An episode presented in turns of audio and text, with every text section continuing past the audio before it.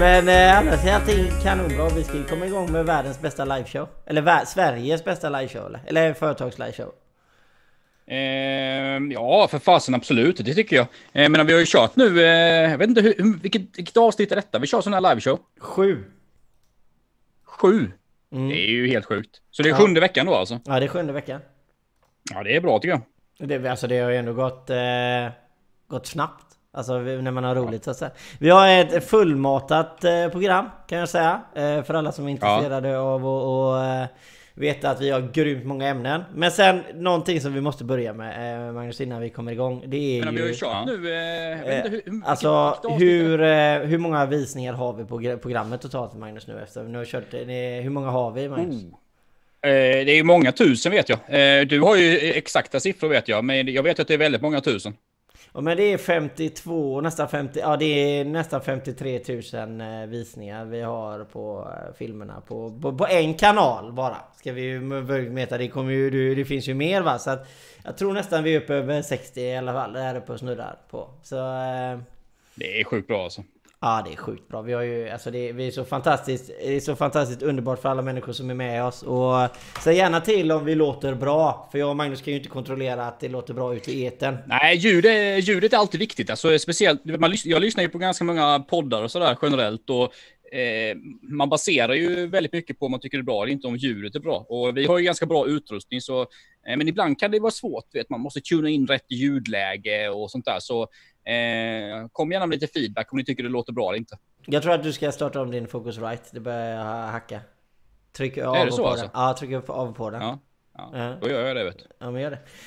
Eh, medan vi ska göra det så har vi, vi ska börja och samtala medan Magnus håller på eh, och gå igenom sitt ljud där så vi får ordning på det. Sen ska vi, vi ska börja och prata om att LO vill höja eh, skatterna på företagen efter covid-19. Alltså man tycker Mm. att företagen ska betala tillbaka pengarna helt enkelt. Eh, Mm. och, och det är, Magnus, vad, vad tycker du om det? Så. Jag blir ju nästan lite irriterad liksom när jag hör det. Eh, för det är ju ändå så att eh, företagarna just nu är i en väldigt jobbig situation. Många företagare.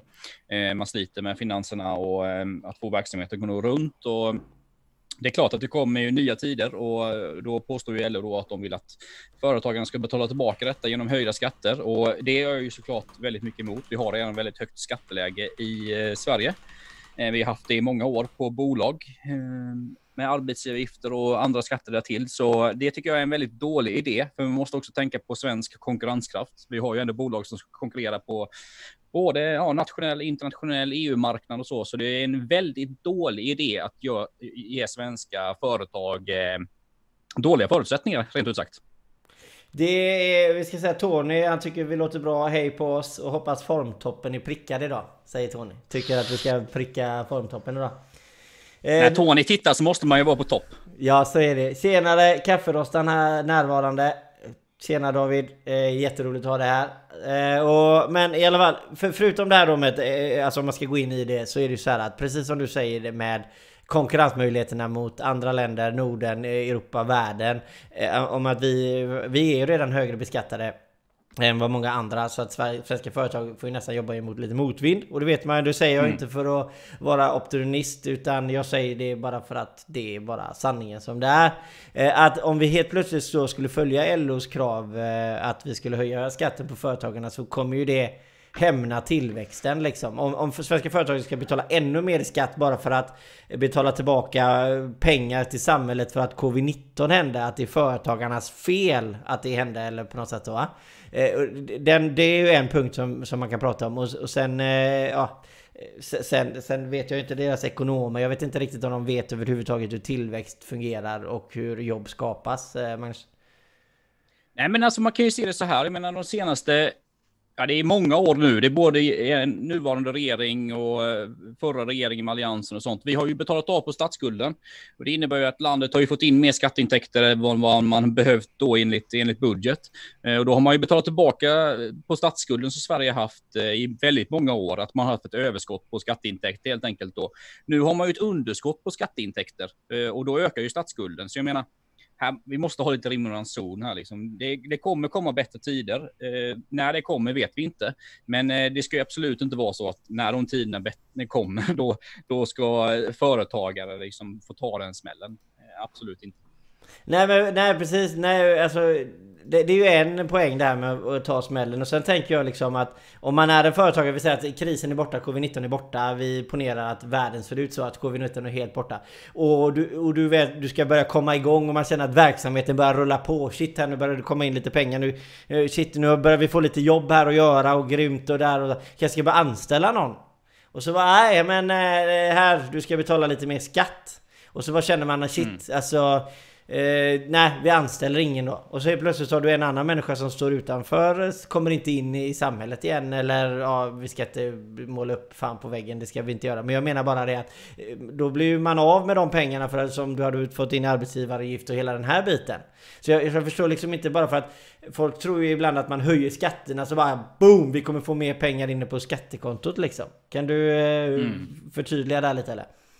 Ja, nej men alltså det är ju så här, man måste ju eh, fråga sig varför har man skatter i ett land? Ja, man har ju skatter i ett land för det är saker som ska finansieras av det offentliga, typ skolor, eh, sjukvård, eh, vägar, järnvägar, andra typer av saker. Och det är ju så, just nu i den här coronapandemin så är det ju så att staten har ju monopol på att stänga ner samhället vilket man har gjort delvis i Sverige, kanske ännu mer i andra länder, men delvis i Sverige också. Och det innebär ju då att de som betalar skatt, typ privatpersoner eller företag, de kan ju inte operera på marknaden, de kan ju inte jobba på marknaden på ett normalt sätt.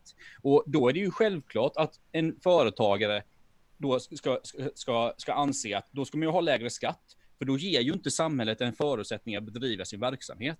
Så jag tycker att man ska ha med det perspektivet att det är ändå så att företagare och skattebetalare är de som finansierar välfärden. Och kan inte företagare eller, eller privatpersoner då eh, ja, finansiera välfärden längre, då, då, då måste man ju tänka på skatterna såklart. Vad var den sista frågan du hade där Johan? Du sa någonting sista. Nej men alltså just att, alltså det här med att om man höjer skatten. Ja ja. Så ja, behöver precis. inte skatt. Och, eh, Alltså med intäkterna. Och det, är ju ett, det är ju ett väldigt förenklat sätt att se det. Liksom, självklart kan man ju tänka så ah, får vi in mer skattepengar, ja då, då kan man ju göra mycket mer, bygga vägar och mer sjukvård och sådana här saker. Men det är också så här att om man höjer skatterna i ett land, både på vad det gäller personalskatt eller på bolagsskatt eller vad, nu, vad, nu, eh, vad det innebär. Det innebär inte på automatik att man kommer i slutändan få in mer skattepengar. För beskattar man företag hårdare, då kanske det kommer vara så att företag inte startas överhuvudtaget. Det kan vara så att företag flyttar utomlands och bedriver sin verksamhet utomlands. Så det, det, det, innebär ju inte att man kommer få väldigt mycket mer skattepengar. Det är likadant om man höjer skatterna till exempel på arbetet som eh, skatten, ja, alltså inkomstskatten helt enkelt. Om man, om man höjer den väldigt mycket så kommer människor att vara mindre benägna att arbeta mer. Så det, det, det är ju klassiskt det här med LO, liksom, eh, från socialistisk sida och tänka på det sättet att vi höjer skatterna för då kommer vi få mer skatteintäkter. Det där är det finns mycket forskning på det området, så det där är bull. Men jo, men det, det är, och precis, och, och, alltså man förstår ju konceptet att, eh, säg att du har en 100, 100 kronor och så har du 51% i skatt och du ska betala in 51 kronor, absolut. Och så höjer du det till 60 kronor, men då, och du är fortfarande en hundralapp och då får du in, ja men då får jag in 9 kronor till liksom. Då har jag mer pengar. Ja, men och sen får man ju inte glömma det, det, det att man lägger ett filt över hela branschen. Det betyder, eller hela, hela Sverige, hela företagen. Det betyder att eh, om du, har, om du helt plötsligt har 50 kronor och du har 60% i skatt. Så helt plötsligt så blir det väldigt, väldigt mycket mindre pengar. Så allting handlar ju om att hur mycket totalt pengar rör det sig om som skall beskattas. Sänk, precis som Magnus säger, flytta bolag utomlands, de lägger ner, man expanderar inte, man höjer inte omsättningen, man gör ingenting. Så då kommer den totala beskattningen bli mindre och då spelar det ingen roll om du har högre procent. Och det tycker jag att man måste tänka på väldigt, väldigt mycket när man, när man ser de här när man hör de här fraserna, ja men vi måste bara höja skatten, vi måste bara höja skatten. Alltså det funkar inte. Det finns ju någon break-even gräns där, där man kommer eh, för maximalt få ut exakt så mycket skatt och de här grejerna. Precis. Jag kan inte du, exakt de siffrorna exakt. liksom. Nej men exakt, du är inne på det, break-even, eh, eller equilibrium kan man också ja, säga då. Precis, det, ja. det, det, är, det är ju så liksom när det kostar sig, när man får den optimala, eh, det optimala. Och det är ju ändå så att det är ingen som vet det optimala. Man vet inte det. Man kan bara chansa ungefär vad det optimala är. Eh, och så det är också beroende på vilket samhälle, vilket land man lever i och sådana saker. Men det, det är klart att debatten är ju väldigt mycket så inom, inom politik är det ju mycket så att höger kanske vill sänka skatterna och, och, och vänstersidan kanske vill, eh, vill höja skatterna då liksom. Och båda har ju, båda vill ju säkert gott för Sverige. Det tror jag, det tvekar jag inte en sekund på liksom. Men hur man ska komma då för att optimera det här eller komma till en bra break-even eller equilibrium, den är ju väldigt olika och folk tycker ju olika när det gäller den. Ja precis. Och det är ju där också man får eh, säga det att det är ju precis Magnus säger det väldigt fint att eh, Givetvis beroende på vilken inställning du har som människa vad du är mer belägen att tycka. Eh, Ifall du är då lite mer vänster så kanske du tycker att vi har inte uppnått den gränsen än Vi kan höja den lite. Och så eh, är du höger så kanske du tycker att eh, den, den är redan nådd Den är för hög redan liksom. Eh, Ska vi se vad Tony Jag tycker det slarvar bort för mycket skattepengar för att staten inte tänker som en företagare det borde vara en sak. Boosta företagen nu så rullar hjulen. Mm. Ja, det är, alltså ja. Det, det, är svårt. Vad säger du om, vad säger du om Tonys inlägg där, eh, Magnus? Nej, men jag tillhör ju, alltså jag är ju nästan lite, jag skulle inte säga att jag är rättshaverist, men jag, jag, är ju lite, alltså, jag är ju ganska mycket kritisk på hur skattebetalarnas pengar används generellt. Liksom. Jag tror ju att det finns väldigt mycket, eh, jag tror att man kan effektivisera väldigt mycket i, i det offentliga, definitivt. Eh, jag menar, du vet ju att jag granskar mycket med det här med EU till exempel. Jag skrev ju några inlägg häromdagen om till exempel Bulgarien, hur de utnyttjar bidragen från EU. Och det är ju ändå så att Alltså, jag tror att det är ganska liksom, det är ganska mänskligt på det sättet. Om man hanterar andras pengar så kommer man inte bry sig lika mycket om pengarna som, du, som om du behandlar dina egna pengar. Eller som företagare då. Men jag som företagare eller privatperson, jag ser ju om mitt hus väldigt, väldigt väl. Men jag kanske inte hade tänkt lika mycket på om det varit andra pengar. Och, och så är det tror jag väldigt mycket i det offentliga. Jag ska inte säga om alla, för det finns väldigt mycket bra och, och, alltså offentliganställda som tänker väldigt mycket på skattepengarna. Men jag, jag tror att det finns en tendens att man, att man för lättvindigt slänger, slänger bort skatte, skattebetalarnas pengar. Definitivt. Ja, för, för jag, där, just i den poängen, så jag tänker, eh, jag tror jag Magnus eh, där, jag, jag skulle formulera det eh, ungefär lite annorlunda bara, håller på så här. Jag, jag, tror i min egen enfald att eh, man är mer riskfylld när det inte har med sina egna pengar att göra. Det är lite så jag ser det. Jag tror att man Eh, jag vet inte om det här kommer funka men vi gör det ändå för då gör vi någonting. Alltså det kan ju ha med politiska skäl och det kan ju ha med massa andra saker att göra. Att man väljer att Nej men vi gör det här fast det kanske inte kommer gå bra. Men där eh, vi, Det är ju bara 30 miljoner eller 10 miljoner eller 5 miljoner. Alltså det är lugnt alltså vi har de här pengarna. Det kommer inte synas sen ändå. Så skulle det här gå, gå dåligt våra test och så hade du varit dina egna pengar och du skulle investera 500, 5 eh, miljoner eller någonting eller så här, då, då vill du veta att det är 100% att det här här ska bli bra, vi har koll på varenda pinal, det här kommer skitbra. Men är det kommunalt så, så kanske det är mer en känsla ibland att man kör vidare liksom. Så det är lite... Jo, men alltså jag, jag håller med dig Johan. Och, och det, man, läser ju, man läser ju ofta som om sådana här stories som till exempel kommuner då som satsar på någonting som går åt helvete liksom fullständigt, där man har bränt skattebetalarnas pengar. Och jag tror kanske inte, intentionen kanske inte är så dum, liksom att man vill höja till exempel attraktionskraften för kommunen, man vill få mer människor att flytta dit och sådana här saker, så bygger man någon jäkla fontän eller något, man gör något konstverk och sånt här.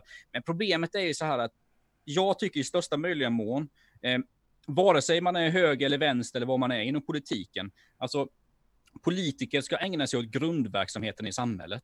Man ska erbjuda, liksom, eh, man ska erbjuda basala grejer, sjukvård, vägar, eh, polis, brandkår, skola och de här sakerna. Jag tror det finns väldigt stor kompetensbrist. Liksom, att, jag menar, att lyfta en kommun för att få mer eh, människor att flytta till en kommun. Jag menar, det krävs ju ganska mycket kompetens och där ska man inte jag tror att många gånger så mm, har man inte riktigt på fötterna när man gör vissa typer av den, den typen av investeringar. Alltså. Nej men det tror jag, för där är ju slöseriombudsmannen, vi ska ju inte outa egentligen andra men den, den kanalen är ju ganska rolig om man tycker det är roligt att titta på när skattepengar försvinner. Så var det ju en kommun, ska jag absolut inte säga vilken kommun det är för då får ni hitta det klippet själva. Men när man sätter in en dim eller sån här ångmaskin i en rondell eller cirkulationsplats mm. som gör att man inte får sikt när man kör så man var tvungen att stänga av den och den kostar liksom X antal kronor. Alltså det, det, och ja, det, du hade inte gjort det för att någon skulle, du skulle tycka det var fräckt till, ditt eget hus. I alla fall inte de flesta. Jag vet inte Magnus om du har en ångmaskin utanför din dörr. Men jag har inte det i alla fall. Nej, men eh, alltså som, som företagare så är man ju extremt. Eh, man tänker ju väldigt mycket på sina utgifter, så det hade man nog inte byggt. Och, men du, du tar ju upp det med slöseriombudsmannen. Det är ju liksom. Jag läser ju han ibland, eller hon, det kanske är en hon nu, för de byter ju en del där. Skitsamma. Eh, och jag menar, ibland får man nog kanske vara lite mer, ja, man får tänka till lite när man läser de inläggen och liksom gräva lite mer vad det just handlar om. Men i princip så tycker jag det är bra att det finns den typen av granskning. Jag menar, granskning av typ eh, slöseriombudsmannen, av media, att granska kommuner, eh, regioner och liksom staten. Det är superviktigt alltså. Eh, allting behöver granskas och diskuteras, så är det. Och det är, det är liksom grundbulten på något sätt tycker jag om eh, man ska få valuta för sina skattepengar. Ja men ja precis, och när vi, när vi är ju inne och pratar om skattepengar och där är ju sådär att alltså, i dagens läge så, så eh, Alltså det är ju media, är ju, alltså själva journalistiken, det är, ju, det är ju en viktig grundbult för att hålla koll på makten. Eh, inte att förmedla maktens beslut eller inte förmedla eh, alltså åsikterna makten har. Det är inte riktigt det grundsättet att se på journalistik i min värld. För min grundbult är att man ska ha koll på vad de gör och rapportera och, och, så att de håller sig på sträckbänken och inte gör något dumt liksom. Eh, eh, och, och, jag tror att det, ja, jag tror att skattepengarna, jag tror att det tänket som du har Magnus, det här med att vi måste kunna gå i god för varje skattekrona som blir spenderad. Eh, och kan vi göra det så, så, eller kan vi göra det till 90% i alla fall, eller 95, då har vi ändå nått långt ja, liksom. Precis. Och jag, jag, tror liksom, jag tycker inte man ska liksom bygga så mycket liksom politik vad det gäller det, för jag tror eller jag vet, för jag känner, jag känner bra moderater, jag känner bra socialdemokrater, jag känner bra liberaler, centerpartister, alltså hela spektrat där liksom. Så jag tror inte det handlar så jättemycket om liksom, den politiska färgen eller politiska partiet. Jag menar, eh, det handlar om att eh, man ska ha lite sunt bondförnuft och tänka till hur man använder skattebetalarnas pengar. Och, eh, det handlar mycket om person tror jag, liksom, i, i styret i olika kommuner och regioner och sånt. Du har Benny som säger hej Magnus Thulin. Han vill inte hälsa på mig. Han vill bara hälsa på Magnus. Det tackar vi för. Hallå Benny. Eh, Hallå, och sen Benny. har vi Peter Risell som säger Malmö stad väljer att avbryta en stor upphandling för att skapa kommunala jobb på egen hand genom utförandet. Försvarbart med dagens situation på arbetsmarknaden? Frågetecken. Skapa privata aktörer färre jobb? Frågetecken. Mm, kan du repetera den frågan igen? Jag, jag, Malmö stad väljer att ja. avbryta en stor upphandling för att skapa kommunala jobb på egen hand. Mm. Eh, då tycker man att ska kommunen skapa mer jobb än eh, skapa de mer jobb än privata aktörer? Nej, men alltså det, här har vi ju alltså Malmö, jag bor i Malmö och eh, ska inte gå in för mycket i kommunpolitik, men det är ju så att eh, Malmö styrs ju av social, socialdemokrater primärt och har gjort det i många år. Och där har vi ju såklart en, det är klart en ideologisk fråga då, att kanske det, socialdemokrater kanske hellre vill skapa jobb eh, i det kommunala och de här bitarna. Jag menar, jag, är jag tror ju att, att, att för, skapa och förmedla jobb, det gör privata aktörer bäst. Det tror jag ju. För jag är ju marknadsliberal liksom. Så, ja, men har inte, har, har, det, har inte det att göra lite med att eh, privata aktörer har bättre eh, koll på efterfrågan? Alltså att man... Eh, alltså man, man, man, ser vad marknaden, om, man, om det är mycket jobb någonstans och då kommer det en privat aktör och agerar jobb, alltså skaffa jobb där och gör kommunal det på det sättet. Så betyder det att de kommer antagligen köra på med samma bolag även om marknaden har försvunnit? Eh, Medan privata... Ja, eller, eller, vad, eller ja, vad tänker du? Ja, precis. Och jag vet inte... Eh, Peter får gärna utveckla det lite mer där, för jag vet inte riktigt vad det är för jobb det handlar om. Handlar det om riktiga jobb, så att säga, att man förvärvsarbetar och betalar skatt? Eller handlar det om liksom åtgärder eller liksom hitta på jobb för att människor i den här coronakrisen just nu ska få något, eh, någonting att göra, något meningsfullt att göra och liksom kanske inte hitta på annat bus så att säga då. Så jag vet han, han får gärna utveckla det lite mer, men alltså jag är ju, som sagt, jag är ju marknadsliberal och jag tycker ju att det vore väldigt bra om man fick, fick till, alltså på mycket mer sätt, att, att det är privata som, som förmedlar jobb än än staten. Liksom. Alltså, det, det räcker liksom om man går tillbaka, man, alltså, grundtanken på något sätt liksom med ett samhälle. Jag menar, statens uppgift, det är inte staten som ska skapa jobb. Sen, sen finns det ju sta, statliga jobb såklart och kommunala jobb och regionala jobb såklart. Men grundtanken tycker jag är att, att det, det, det privata näringslivet som, som står för, för arbetsmarknaden på något sätt. Jag eh, ska säga Elmer, jag förlåt mig om du inte uttalas Elmer, men det är så jag läser det. Granskland, granskande journalistik, tack. Så det var roligt, det tyckte han höll han med om, det hade jätteroligt. Peter säger plocka skräp, städa gator och så vidare, är det det handlar om. Mm. Ja, alltså detta är ju en evig fråga då, för för, för jag tror att om man är vänster, alltså nu är, mm. ja, tycker man inte då att kostnaden kommer ändå finnas där. Att vi måste ändå göra det liksom. Och då kan, om vi tar den kostnaden till oss eller om vi lägger ut det på en upphandling. Har vi det själva då kanske vi kan eh, se till så det blir bättre än om vi gör en privat aktör. Medan den privata aktören får konkurrera med varandra för att skapa den bästa upphandlingen. Eh, alltså, mm. ja.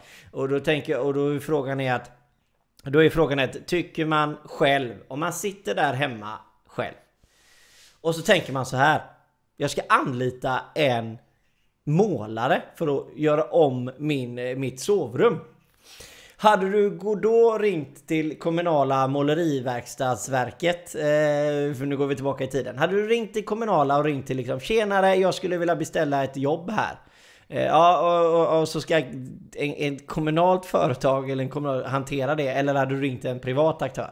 Och jag tror i min enfald att 95,57% hade ringt till en privat aktör för att man, man känner att ja, mm. du, får, du får mer valuta för pengarna. Och det är det det handlar om. Eh, det är min personliga åsikt att eh, man ska... Min... Alltså, det, om, Peters fråga, min, nu är inte jag insatt i just den här, det här, för jag har inte läst det. Jag kanske kommer läsa det ikväll i och med att jag bor i Malmö. Men min spontana tanke här är ju här att kommunen vill på något sätt skapa Alltså, hitta på jobb liksom på något sätt, någon åtgärdsjobb. Och det är ju ändå så att, um, att städa skräp och, eh, och vad det nu kan vara, städa eller vad, vad det var han sa. Men jag menar, det är ju ändå så att Malmö har ju en väldigt stor arbetslöshet. Vi har ju 15 procent officiellt, men i realiteten har vi ju antagligen mycket högre än så. Eh, och för, förvärvsfrekvensen är ju extremt låg i Malmö, de, eh, nästan lägst i hela Sverige skulle jag säga. Och då är det ju så, då då borde man ju kunna tänka sig att en kommun, om man nu ska betala ut då kanske till exempel socialbidrag eller vad det nu kan vara, så kan man tänka på att man skulle kunna ställa vissa krav på vad gäller skräp och sånt. Men sen får inte detta konkurrera heller med det privata, så det är lite svårt det här. Jag vill inte bli för, jag vill inte bli för politisk faktiskt när jag snackar om det i, i just den här eh, podden, för jag kanske har väldigt eh, starka åsikter om just det där, men jag vill inte gå in för mycket på eh, det ideologiska just nu. Nej men då hoppar vi, nu har vi pratat om skatter. Vi ska hoppa över på lag och ordning. Eh, mm. Vi tog ju upp det här, och om ni inte har lyssnat så, så pratade vi om eh, just demonstrationerna och det är därför det eldats upp den här lag och ordning även hos oss. Nu ska inte vi prata om demonstrationerna eller det har att göra. Det vi ska prata om är att det som blir efterfrågan i det hela, det är alltså spelregler för, för svenska företag att existera i ett, ett samhälle där de inte blir utsatta för brottslig, eh, kunna, alltså, ut, utsatta för brott. Eh, och hur ska man göra? För jag menar, eh, jag kan bara ta en egen erfarenhet att eh, man får alltså bilarna liksom in, man får inbrott i bilarna eh, minst en gång om året. Alltså om du har servicebilar liksom. Och jag mm. menar alltså hur, alltså jag menar det, det har ju stadigt gått uppåt och, och, och, varför händer, varför, varför gör man inte tillräckligt mycket och gör man fel grejer? Alltså hur, hur, hur är det i andra länder? Har vi, har vi någon koll på det Magnus? Hur det är för, för att bedriva? Nej, men jag tror att det är ganska mycket eh, företagsbrottslighet i andra länder också. Men alltså i Sverige har vi ju dokumenterat väldigt, väldigt högt. Och du pratar ju där om eh, ja, men hantverkare, servicebilar och, och sånt. Och det är ju liksom dokumenterat av polisen i Sverige att det är väldigt, väldigt högt i Sverige. Eh, och det har ju, det har ju polisen, det, det hittar ju inte på, det har ju polisen själv gått ut och sagt att detta handlar väldigt mycket om, om, eh, om delvis ut, utländska liksom, brottsligor som kommer till Sverige och bedriver helt enkelt en, en, slags, en slags påhittad företagsverksamhet på att göra den här typen av inbrott. Det, eh, I Sverige, i ett EU-perspektiv, så är ju Sverige väldigt högt.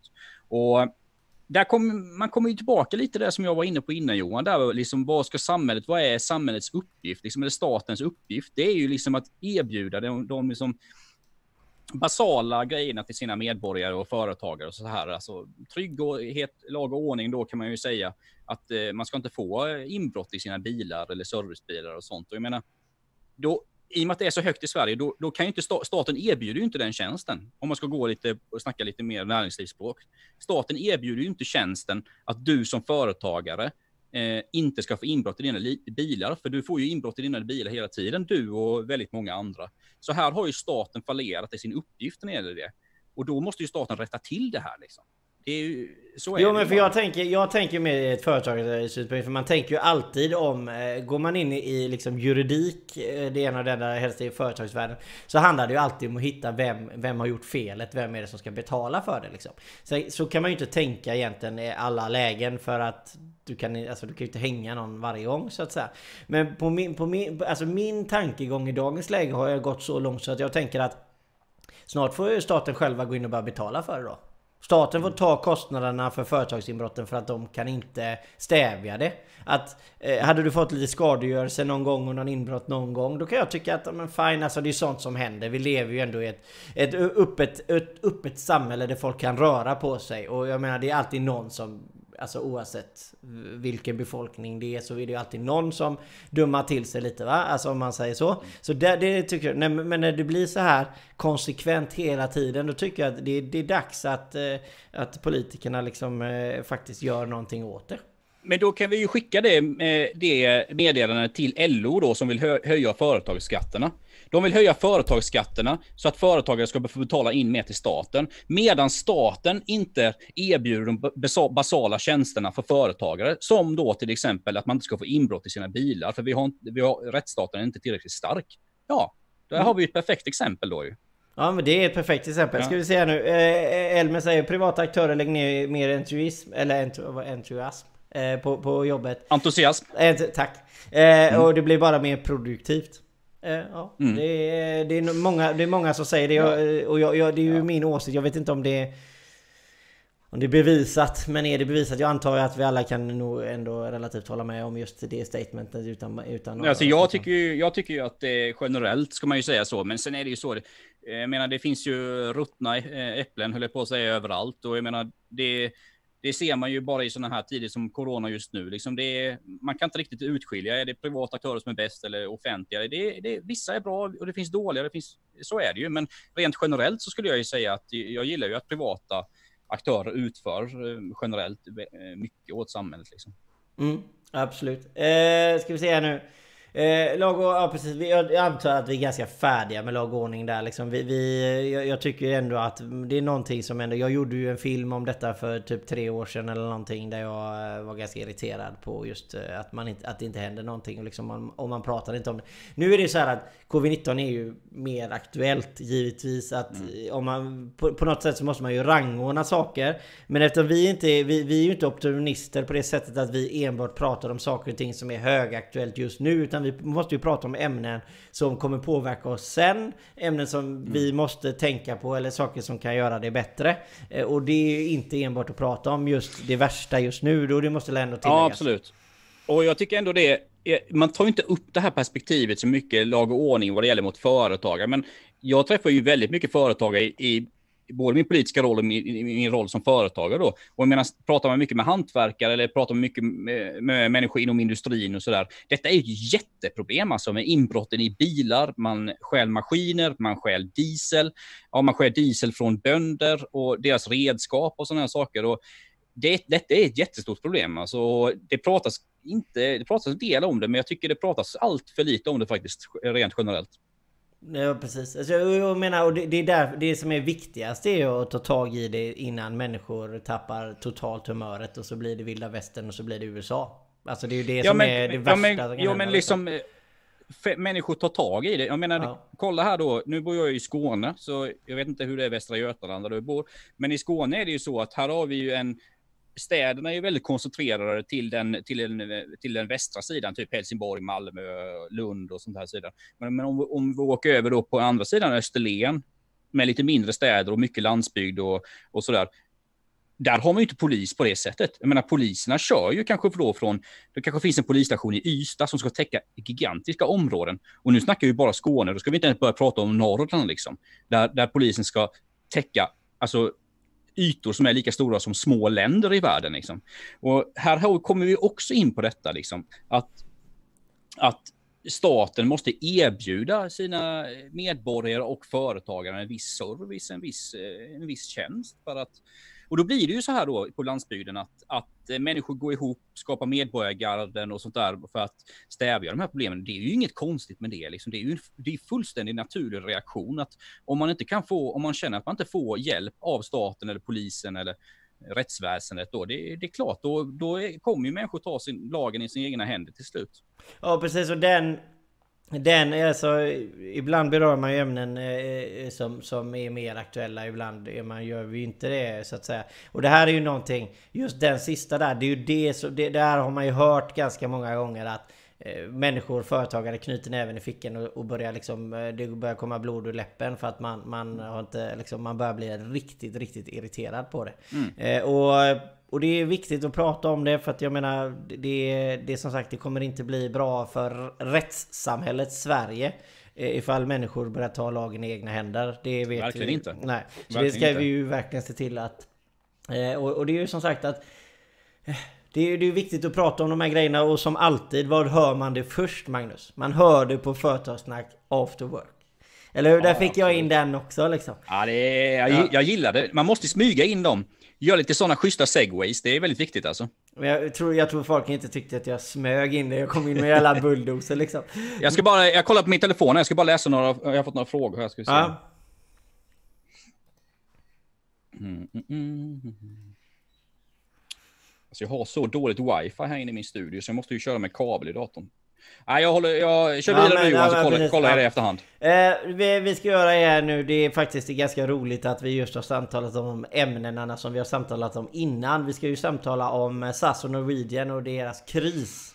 Mm. Eh, och varför är det här väldigt intressant att prata om? För det är ju egentligen det som vi har varit inne om och pratat lite med det här. Kommunal, eh, eh kommunal eller statlig business mot privat business.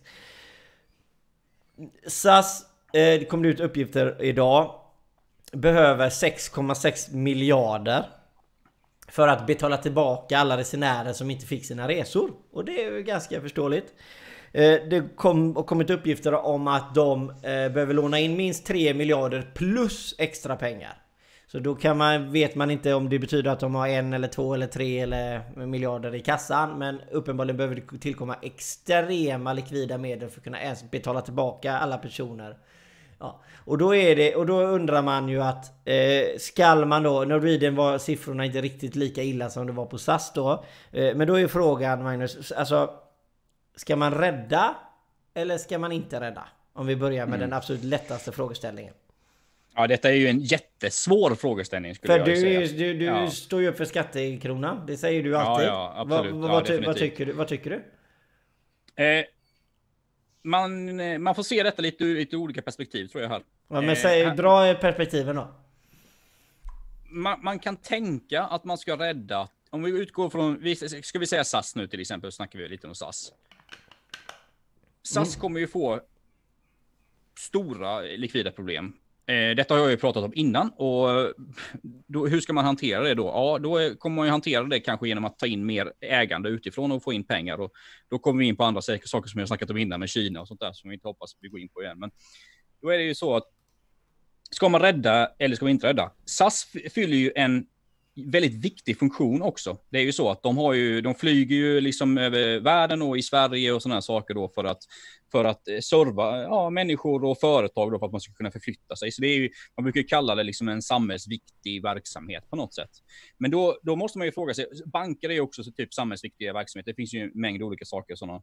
Och då måste man ju ställa sig frågan, de här företagen, ska de kunna gå hur som helst och att staten då alltid ska hjälpa dem? Ja, det är, detta är en väldigt svår frågeställning skulle jag säga.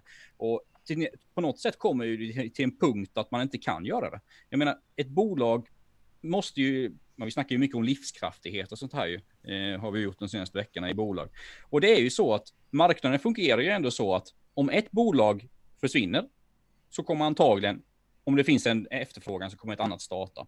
Och det är ju likadant med SAS och kanske Norwegian då. Om de, om de får lägga ner, då kommer det antagligen startas nya flygbolag som, som tar, e, tar, tar efter där. Och så kan man ju säga i ett rent marknadsperspektiv, rent marknadsperspektiv. Men det här kommer ju komma, det, det, innebär ju att det kommer bli ett väldigt stort glapp. Att om de här bolagen får lägga ner, då kommer de bli ett glapp och så kommer man inte kunna flyga på samma sätt. Och så sen efter ett tag så kanske det startar ett nytt bolag då. Så jag, alltså jag, jag, Johan, jag tycker den här frågan är skitsvår alltså. Men på något sätt är det ju så att skattebetalarna ska ju, ska ju belastas så lite som möjligt. Och eh, så jag tycker att frågan är väldigt bra ställd och jag tycker man ska, den behöver diskuteras mycket. För är det så att SAS får, får stora, stora underskott i sina finanser och man då, på, man då påstår att, att svenska skattebetalare, för svenska staten är ju delvis ägare i SAS då, att de ska pynta in en massa pengar i det här bolaget. Det, det skulle jag nog säga att då, den diskussionen kommer behövas och det är inte alls säkert att eh, det ska göras. Men som sagt, det SAS fyller en väldigt stor fram, eller, samhällsfunktion och är väldigt viktig för svensk näringsliv och det svenska näringslivet och företagare som ska förflytta sig så. Så det är riktigt svår ja, fråga. Detta, Tony säger staten har väl en skyldighet att leva upp till sitt ansvar. Alltid för snabbt på företagssnack. Ja, men det var till våra förra eh, när vi snackade mm. lite lag och ordning där. Eh, sen säger han SAS har väl statligt ägande till viss del. Borde väl vara som ni pratade om innan. Varför skillnad? Eh, ja precis, jo alltså egentligen så Tony är ju ändå är relativt rätt ute. Man kan, man kan aldrig göra skillnad på sak och sak. Sen kan man ju då eh, kan man, kan man eh, säga att ett stort företag är lika, likadant som ett litet företag. Alla som är företagare vet ju om att ett stort företag är, bedrivs inte på samma sätt som ett litet företag. Eh, alltså det är ändå att det är inom samma eh, koncept så är det ändå inte samma sak. För man kan inte göra samma saker. Det har med lag och ordning och regler att göra. Desto större du blir, desto mer saker är du inne i, desto viktigare kommer det bli att du har eh, liksom koll på det ena och det andra. Liksom sådär, va? Eh, och, och, när SAS nu då, det är inte första gången de får stöd. Eh, eh och men, men om de får ett stöd nu då, eller de får låna pengar, för det har de ju rätt till. Jag menar, vi har ju öppnat upp företagslån, liksom, det finns ju belåning att göra upp till 100 miljarder eller vad det var som eh, staten gjorde. Vad det var 100 miljarder va? Något sånt va? Ja, något sånt ja. Ja, eller, ja, ja, ja, ja, ja, ish, precis. Mm. Ish, ja. Mm. Men vi säger då att de ska låna pengar då. Det får de göra för att det är ingen som kan stoppa dem för att de har ju öppnat upp att det, det finns möjlighet till att låna pengar. Men sen är det ju så här då. När de väl har lånat pengar, om vi ska se till livskraft, eh, livskraft liksom. Då är det ju så här att de, lånet kommer ju även ha ränta på sig. Det betyder att de kommer, om de ska betala tillbaka, de kommer få betala tillbaka eh, ännu mer pengar än vad de väl har lånat. Så det betyder ju att när det väl vänder så behöver det gå bättre för SAS än mm. vad det gjorde innan. Mm. Eh, ja. och, och det betyder ju att fortsätter de som de har gjort, om vi backar bak lite granna tidigare, så, så vet jag inte om det räcker ens. Att de behöver få in, att har det byggts upp ett eh, eh, att man vill resa ännu mer nu. Så att man väl öppnar upp portarna och folk får röra sig fritt. Då kommer det bara säga pang och varenda plats var eh, slut och man vill flyga och det är hur mycket som helst. Då kommer det inte vara några problem för SAS. Så frågeställningen är, tror man att det kommer bli tillräckligt mycket resande Eh, för att företaget ska vara livskraftigt eller inte. Och det är mm. där diskussion, diskussionen bör ligga. Ja, och jag menar, det är ju så här med det, där, vi kommer ju in här på statligt ägande. Nu äger, äger ju inte svenska, och danska och norska staten så jättemycket i SAS längre, men de äger ju ändå ganska mycket. Liksom. Är det 33 procent eller vad är det? 11 ja, jag kan inte exakt hur mycket det är, men det är ju minoritetsägare i alla fall. Och det är ju ändå så att de har ju blivit ägare en gång i tiden när den här branschen var väldigt lukrativ. Det var antagligen väldigt bra för skattebetalarna att vara ägare för att man fick mycket avkastning och sådär. Likadant med staten är ju ägare i Vattenfall också och Vattenfall har ju genererat jättemycket pengar till, till statskassan genom åren. Men då, då är det ju så här att nu får vi ju problem då, när, för det, det är ju så att när stat och näringsliv går ihop i, i sådana här tider så får vi ju väldigt stora problem. Och jag, jag jag förespråkar ju nästan alltid att, att, att staten och företagen ska hålla isär. Jag gillar ju inte statligt ägande eh, i, i, i bolag och kanske speciellt inte då i bolag som ska operera på, på det SAS gör på en global marknad. För jag menar, det ska, konkurrensen blir ju lite åsidosatt om, om det är så att stora stater ska kunna gå in och finansiera eh, bolag. Jag menar, det är ju ändå så att om SAS skulle försvinna, säger då att staten slutar sitt ägande och SAS försvinner och går, kanske går i konkurs. Ja, som sagt, då kanske någon annan aktör kliver in där, typ, ja men eh, Lufthansa eller, eller något sånt där som tar den rollen. Så som sagt, det är en svår fråga detta och eh, alltså att staten ska äga bolag, det är en fråga som jag tycker är väldigt relevant faktiskt. Jo, men för, för det finns ju, där är ju några aspekter. Vi, vi tar den första jag tänkte på först. Det är ju så här att staten har ju investerat pengar i en verksamhet. Verksamheten när den väl är aktiv är de här ägandeprocenterna värda så här mycket pengar. Har du 11% i ett bolag, nu vet inte om det stämmer, nu säger jag bara att det är 11%. Har de 11% i ett bolag, säger vi att svenska staten äger.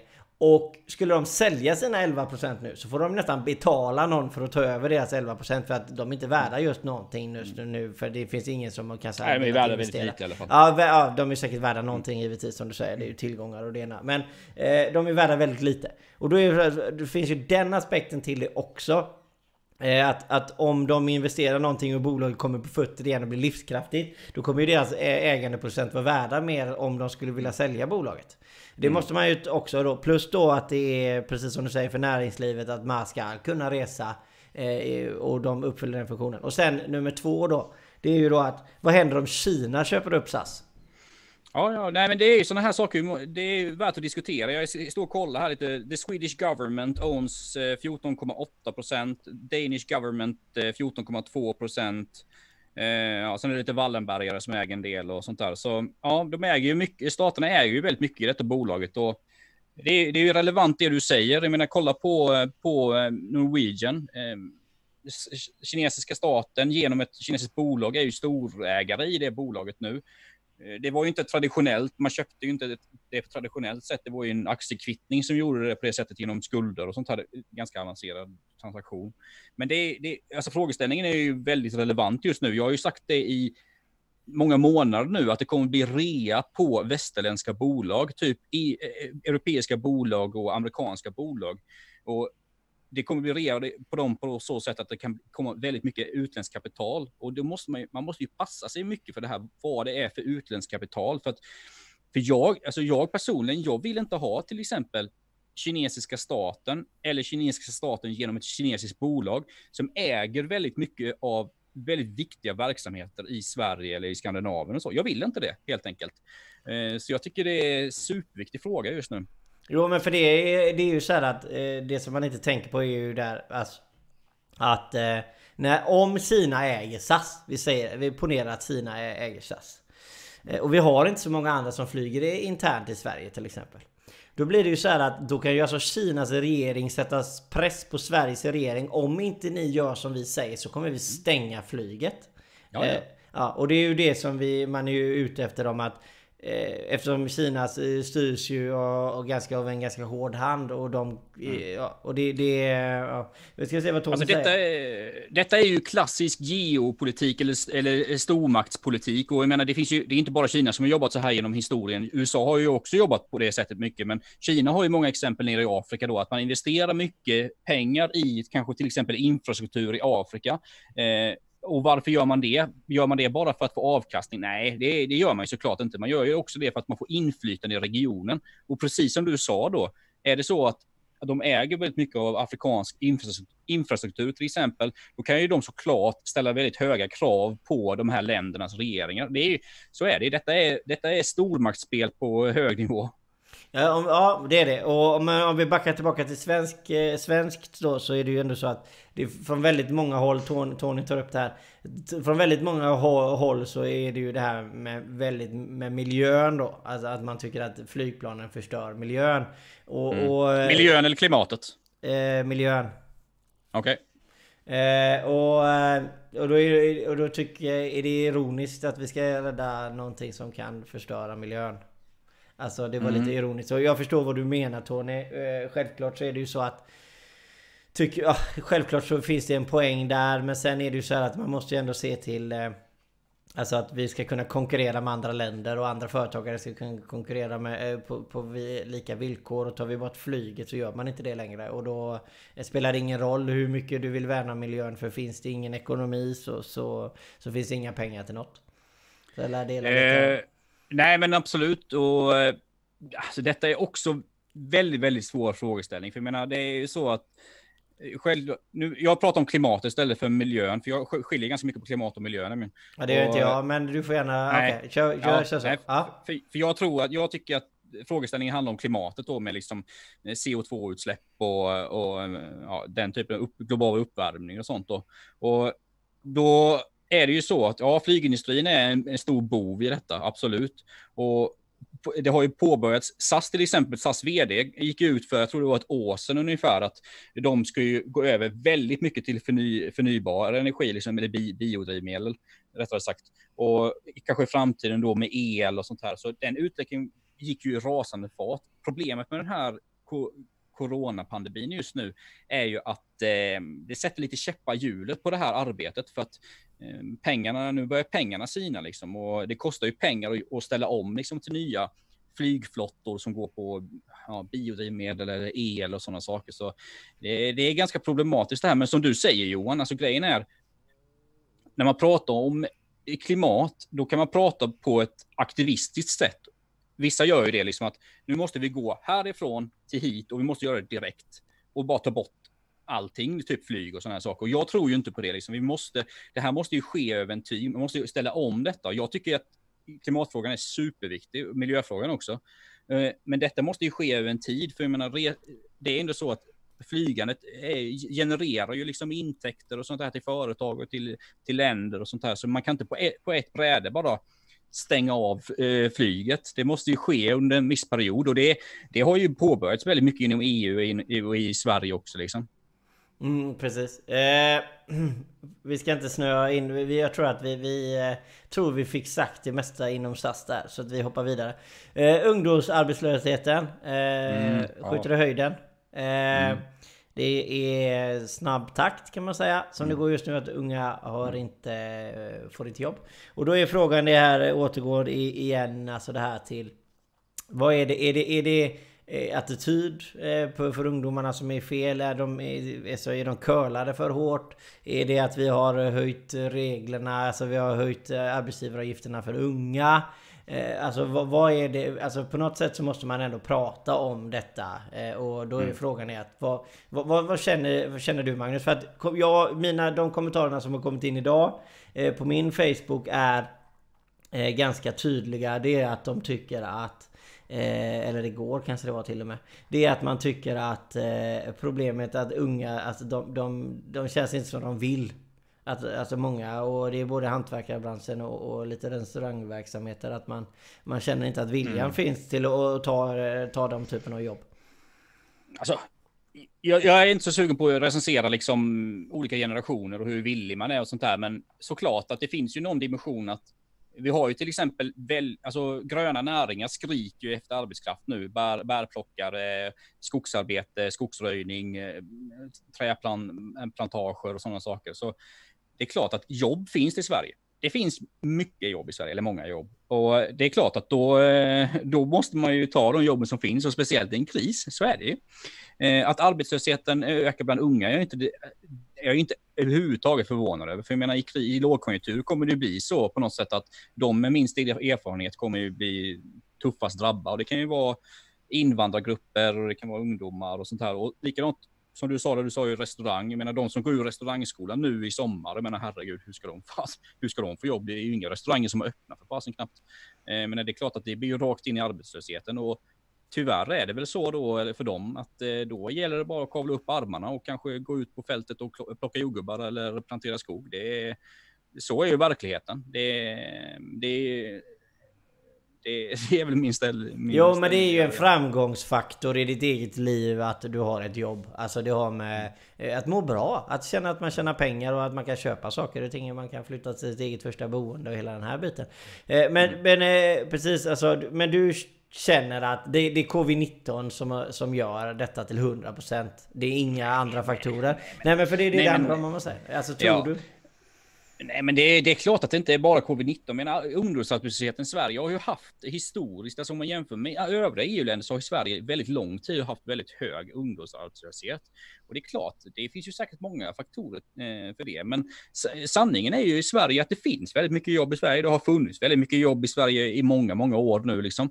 Men det är klart, det kanske inte är de eh, liksom... Geografiskt sett kanske de ligger lite fel till kanske för vissa ja, och sånt men ge geografiskt, jag menar det är ju ändå så att eh, Eh, ska man kunna ställa krav på människor att flytta? Jo, men det är klart att man måste kunna göra det. För jag menar, det är ju ändå så att det, det, kan ju inte vara som, man kan ju inte ha så grundtanke att man ska vara försörjd av staten. Det kan ju inte vara ett, ett normalläge. Liksom. Varje människa måste ju ta ansvar över sitt eget liv. Och handlar det då om att jag, ja, jag kanske, säger att jag är arbetslös i Malmö till exempel, ja men jag kanske får flytta till norra Skåne eller jag kanske får flytta till mellersta Sverige för att få ett arbete.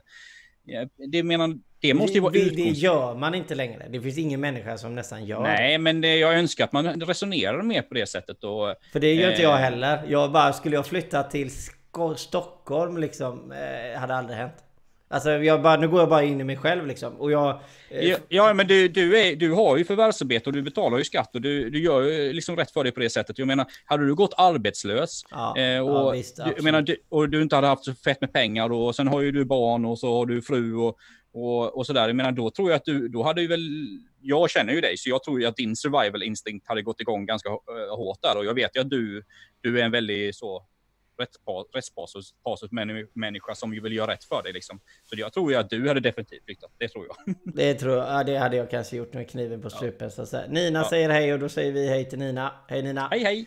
Eh, det tror jag med. Men eh, vad, vad Ska vi, vi, vi hoppar arbetslöshet, vi har inte så mycket tid Så att vi hinner inte gå lika djupt in i ämnena som vi kanske hade tänkt oss Men vi, vi går lite snabbt på omställningsstödet mm. eh, det här har vi pratat om tidigare och du har ju väldigt bra koll på det här. Men det som jag känner fortfarande det är att det är inte tillräckligt tydligt, alltså det här med att om du har sänkt omsättning med 30% så att du kan få, eh, få, få bidrag av staten. Mm. Men vad är det du kommer få bidrag för? För det är inte så att de kommer täcka upp så att du får 100% omsättning igen liksom. Nej, nej. Alltså det är ju så att grund, grunden är ju, det senaste jag sett är att det skulle vara 30, du ska ha minskat din omsättning med 30% och så säg att, säg att i april så hade du, nu april 2020, säg att du hade, jag vad säger då, 5 miljoner omsättning. Det var ju väldigt högt, det är ett stort bolag, men skitsamma. 5 miljoner omsättning och sen april 2019 hade du 10 miljoner, så då har du halverat din, halverat din omsättning. Eh, och då hade du kunnat söka detta och då, då skulle du i så fall få hjälp eller stöd eller bidrag, eller vad man vill kalla det, för att täcka vissa kostnader för bolaget. Typ eh, lokalkostnader, eh, leasingkostnader för bilar, eh, vad det nu kan vara. Saker som man sitter, eh, sitter fast i, till exempel mobilabonnemang eller vad det nu kan vara. Liksom. Det handlar ju om det, så det handlar ju inte om att staten ska gå in och, och ge mängder av pengar för att du ska komma upp till samma liksom, intäkt som du hade förra året. Det handlar det ju inte om. Nej men precis, så, så egentligen är det så att stödet finns ju för att eh, om du är med kniven mot strupen att du får lite extra hjälp om man säger. Men eh, för jag tror att många företagare bara shit, ja men grymt kommer vi få hjälp med omsättningen. Om, eh, om, alltså få upp pengarna liksom. Och, och då tänker jag så här. Mm. Det blir ju väldigt Alltså det, det är ju tyvärr Får jag säga, det, det blir så att varenda stöd som väl ges, det blir mm. alltid eh, storbolagsstöd. Alltså, och jag mm. känner ju typ den här grejen är ju liksom alltså ännu en grej. Och jag kan förstå det för det är väldigt, det är väldigt, väldigt svårt måste man förstå där ute. Att det är väldigt svårt att hitta på en, en grej som hjälper småföretagare. Där inte stora, storföretagarna får mer eh, valuta för det. Alltså, en, ja. e, alltså det, det, är väldigt svårt. För jag menar om du är en egenföretagare så har du ditt kontor hemma. Alltså man har inte sitt kontor borta någon annanstans om man är en egenföretagare. För man har en dator hemma och så kör man sitt företag och så är det färdigt. Så man har inte de tunga utgifterna eh, som ett större företag har. Så att jag vet inte riktigt, eh, kommer det här hur kommer det här användas eh, tillräckligt mycket? Liksom? Kommer det här, tror jag, tror att, eh, jag tror att detta kommer användas mycket faktiskt. Eh, det är min eh, spontana känsla. Nu ska ju man kunna ansöka från det från första juli, så det är ju ganska snart ändå. Och ja, det är väl ändå så att det, detta håller väl på och eh, håller väl på och alla regler och hit och dit håller på och, och sättas liksom. Så det kommer att komma mer information här ju närmare juli vi kommer, men det kommer ju ske från eh, från, eh, man kommer att göra det genom Skatteverket, vilket jag faktiskt tycker är väldigt bra. För jag tycker Skatteverket, eh, deras webbportal och sådär funkar eh, generellt himla bra. Så jag tycker det är bra att, att ansökningarna går där igenom. Men mm, det återstår nog att se. Men eh, som det har kommunicerat ut så är det ju för, det är ju för små och medelstora bolag som man fokuserar på. Eh, och det, visst, medelstora bolag är ju ganska brett uttryckt. Det handlar ju om ganska stora bolag ändå, får man ju ändå säga. Så, ehm, men, men primärt ska det ju, och man kan ju bara få upp en viss del, så det kommer ju, jag tror ändå att det kommer rikta sig ganska mycket mot små och medelstora bolag. Men, alltså, men, men, det är klart, ja. men det är klart som du sa där, menar, är du en ensamföretagare eh, som, inte har särskilt, eh, som inte har några direkta kostnader, kanske du sitter hemma eh, och jobbar, du kanske inte har någon, något leasingkontrakt, du kanske inte har några räntekostnader på lån eller vad det nu kan vara. Det är klart, nej nej, då, då kommer du inte få något särskilt stöd. Nej, stämmer. Eh, ska vi se här. Dan säger inte säker på att Johan har återhämtat sig som förra veckans påhopp eh, beträffande frisyren och det, det har jag inte Dan. Alltså jag, jag lever fortfarande med det. Jag går hos eh, hjärnkirurg nu för att rätta till felen i hjärnan. Eh, för övrigt har ni väldigt pigga och kloka idag. Tack så mycket. Tackar vi så jättemycket. Ja, eh, Tony Bengtsson ja, säger Tjenare under vilket program ni använder för att få till en sån tjusig eh, livesändning. Vi använder mm. Restream för att få ut väldigt mm. många och Streamlabs eh, använder mm. Tony säger, Tony Karlsson eh, säger gäller det bara under mars eller april jämfört med 2019? Tror ni att det kommer bli mm. fler månader? Och det är Mm. Det är mm. slagsmål i regeringen angående det kan man säga. För att dela väldigt tror, olika. Jag tror inte det är så slagsmål inom regeringen, men jag tror det är slagsmål med samarbetspartierna, Centerpartiet och Liberalerna. Eh, så sossarna och Miljöpartiet tror jag inte det är så jättemycket slagsmål, men Vissa vill, mm. vissa vill inte som alltid, eller? Man kan, man kan väl säga så här då att Centerpartiet och Liberalerna eh, nu ska jag säga, inte säga för mycket för att jag är ju Centerpartist själv och jag har ju en del information som jag inte bör säga Nej, så precis. mycket. Nej, liksom, du får inte säga något. Men, men man kan säga så, Ja, har, man har ju viss tystnadsplikt såklart. Men man kan säga så här. Centerpartiet och Liberalerna vill nog att det ska vara längre, om jag säger så. Och det är de som driver på det här stödet väldigt mycket. Medan kanske regeringen kanske står emot lite. I don't know, men jag sitter ju inte i riksdagen så jag har ju inte alla detaljer. Men, men, min, men eh, om, jag, om jag ska säga min magkänsla, och den bygger jag faktiskt bara på min magkänsla, jag har ingen insiderinformation där, så tror jag att det finns stor chans att det kommer förlängas.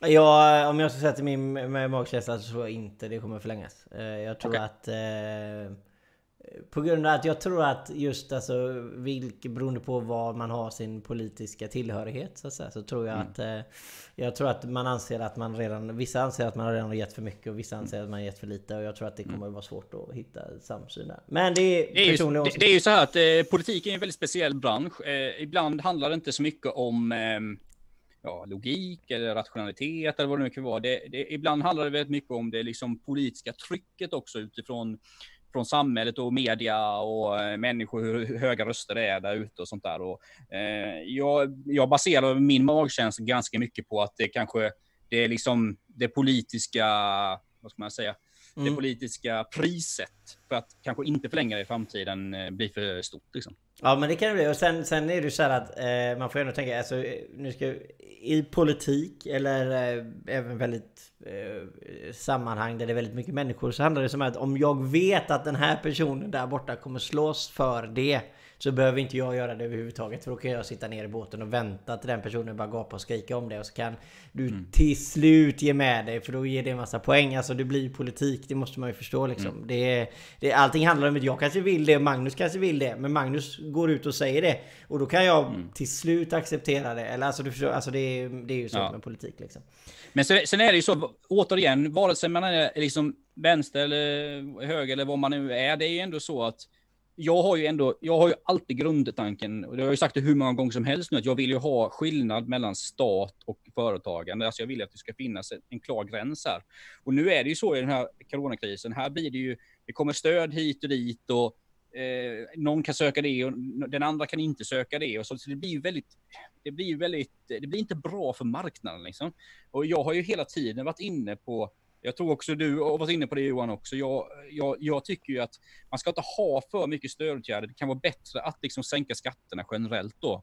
För att då, det ger liksom, det ger företagen och speciellt småföretag, det ger väldigt mycket tydliga, det ger tydligare liksom förutsättningar. Och så jag tycker ju att sänkta arbetsavgifter och, och sånt här är, är ehm, den bästa vägen att gå, rent, liksom, rent marknadsliberalt, att man håller skillnad mellan stat och eh, företagen. Liksom. Ja, det håller jag med 100%. Ska vi säga, David säger man måste ha en årsomsättning på 250 000 eh, för stödet. Mm. Är det inte extremt mm. lite? Kan man verkligen leva på det? Och det, det är en jättebra poäng som David säger. Mm. För det jag tycker är att när du sätter gränsen så lågt så öppnar det upp för mm. brottslig verksamhet.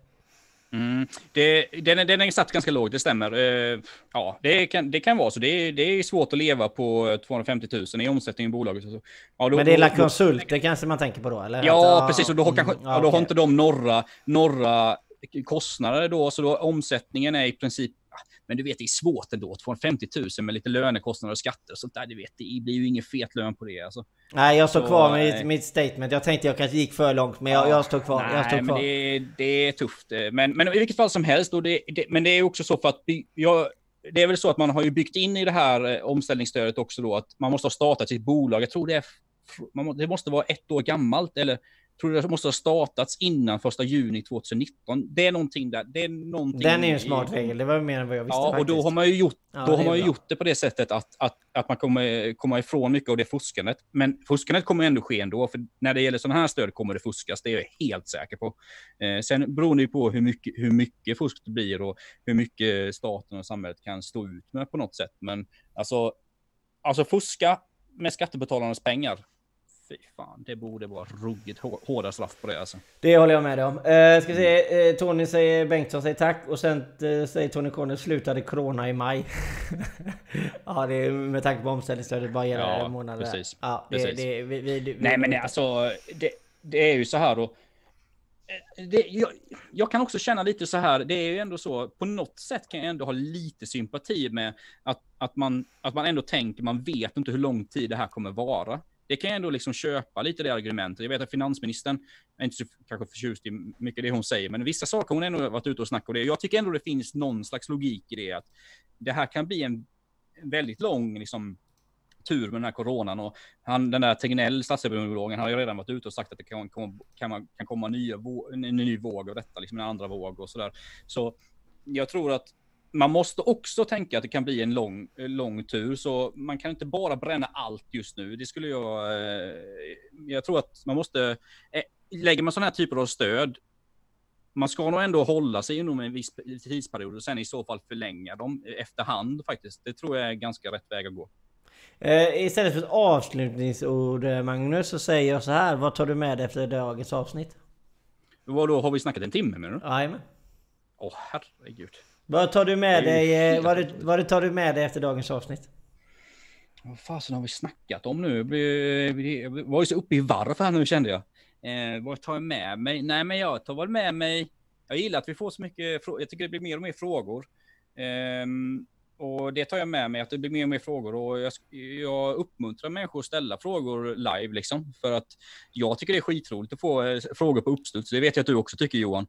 Eh, det, det, det, det kan, man kan ju också vara lite rädd för det. Det blottar ju en lite, liksom. Att man, men då kan man bara säga att jag har inte koll på det, jag får återkomma med det. Liksom. Så jag uppmuntrar och tar med mig att eh, mer frågor live, det gillar vi. Ja, precis. Och där blir det ju också att folk förstår ju att det här är liksom ingen Eh, produktion som görs eh, bara för att eh, vi ska få ut ett speciellt ämne. Utan vi tar ju fram ämnet som vi tycker är vettiga att diskutera. Men sen tar man upp i chatten andra ämnen så kommer vi prata om dem också. Så att jag menar man kan ju även styra innehållet lite. Det blir väldigt levande. Mm. Och det tycker jag. Och det som jag tar med mig idag det är egentligen att eh, jag tyckte vi hade ett väldigt bra snack om, om, om skattepengar. Tycker jag, eh, tycker jag känns väldigt vettigt. Och, eh, mm. Sen tar jag med mig det från i början idag. Jag, jag tror är vi Sveriges största liveshow för företagande. Det, jag tror nästan vi är där alltså Magnus. Jag det, tror det. Det måste vi väl vara eller? Ja, vilka skulle vi... Ja, jag vet inte. Vilka skulle annars vara det? Jag vet inte ens, finns det någon annan? Nej, precis. Alltså på, på, på ren poddsida finns det ju en del konkurrens. Men eh, nej, för fasen. Vi är störst. Nina tycker att vi borde snacka mer om ensamföretagare. Ja, men det ska vi ta med oss mm. Nina. Det kan vi se till att vi tar med oss till nästa avsnitt. Men kan inte Nina skicka lite frågor angående... För jag menar, vi kan ju snacka om ensamföretagare. Det är ju ingen snack. Det kan vi säkert prata jättemycket om. Men det vore jätteroligt att få lite inputs då från ensamföretagare. Jag vet inte om Nina är ensamföretagare så Vad det, det exakt vore... är, absolut. Och, absolut. Ja. och sen eh, Tony säger bra tankar, bra snack, många, många ämnen ni tog upp idag. Ni gör alltid min fredag trevligare. Ha en trevlig helg på er. Nästa gång kommer bli ännu mer synpunkter. Ja, det är grymt Tony. Ja, det är fantastiskt. Alltså det blir, man blir helt varm i hjärtat Tony. Och alltså till alla som säger, alltså det är så roligt att känna att ni är med oss. Och, vi är med och jag menar herregud. Tycker man att vi har fel så kan ju vi absolut eh, höra det. Så att det är helt underbart. Eh, de andra har fel kurs som regalskeppet Vasa. Just det, den underbara kommentaren. Den kommer jag aldrig glömma. Den var grym. Ja, nej, tack så hemskt mycket för att ni varit med oss idag. Så hoppas jag att ni får en fantastiskt fortsatt trevlig fredag och inte minst en grym helg. Tack från mm. oss. Ja, tack så mycket. Ha det fint allihopa.